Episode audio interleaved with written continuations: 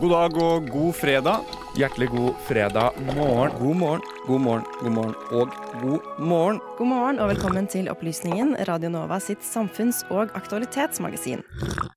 Med opplysningen 99,3 på øret, ja, da blir det en god fredagsmorgen. Opplysningen 99,3. Hver fredag fra 10 til 11 på Radio Nova.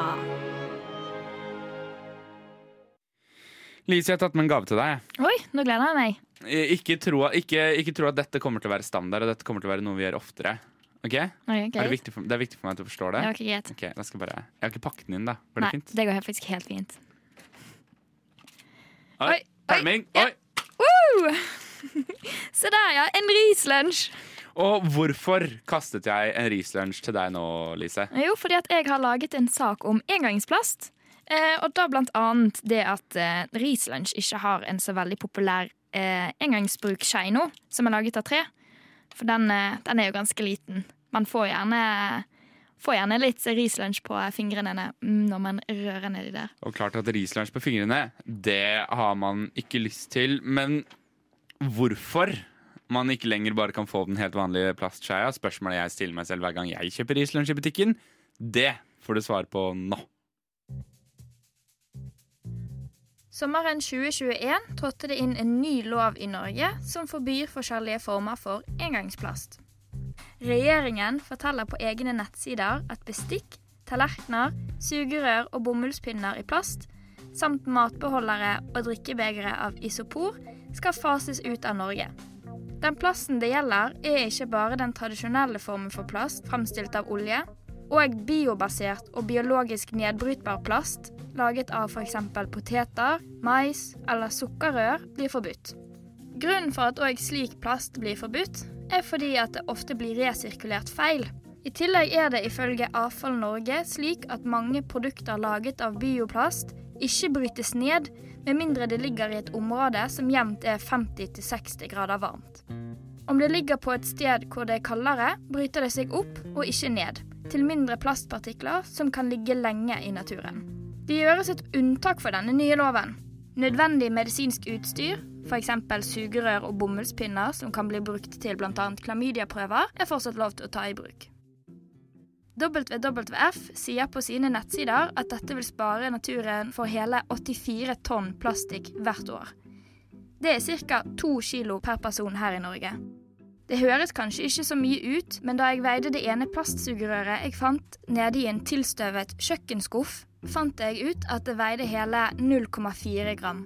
Du må altså ha veldig, veldig mange sugerør i plast for å komme deg opp til to kilo.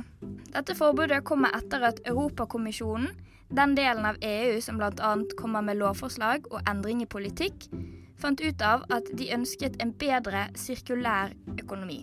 De ville bruke de ressursene som vi har på kloden vår bedre. Denne bruken av ressurser handler både om produksjonen, forbruket og avfallshåndteringen av ressurser. Europakommisjonen valgte å sette søkelyset på ti forskjellige engangsprodukter som inneholder plastikk. Det er de produktene de selv mener at er med på å forurense mest i naturen, og som er lettest å erstatte av mer miljøvennlige materialer. Dette gjelder da f.eks. bestikk, sigarettsneiper og plastikkposer. Lovforslaget til Europakommisjonen ble godkjent i 2019.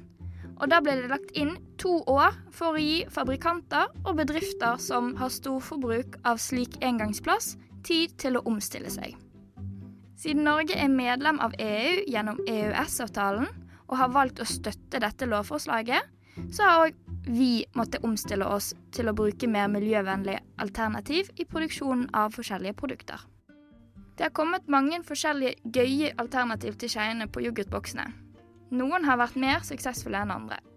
Et alternativ som har vært veldig i vinden i det siste, er det Tine lanserte sammen med bl.a. rislunsjen sin. Jeg har personlig en ganske negativ erfaring med disse skjeene. Men Tine de har en forklaring. De sa til Nettavisen at dette bare var en midlertidig løsning. Det var enten denne skjeen eller ingenting, som for så vidt hadde vært enda verre. Tine forteller òg at de skal komme med en lengre skei som er laget av bambus. Denne skal fases inn i løpet av september og oktober måned i 2021. Vi får bare håpe på at dette blir et bedre alternativ for oss som er glad i rislunsj.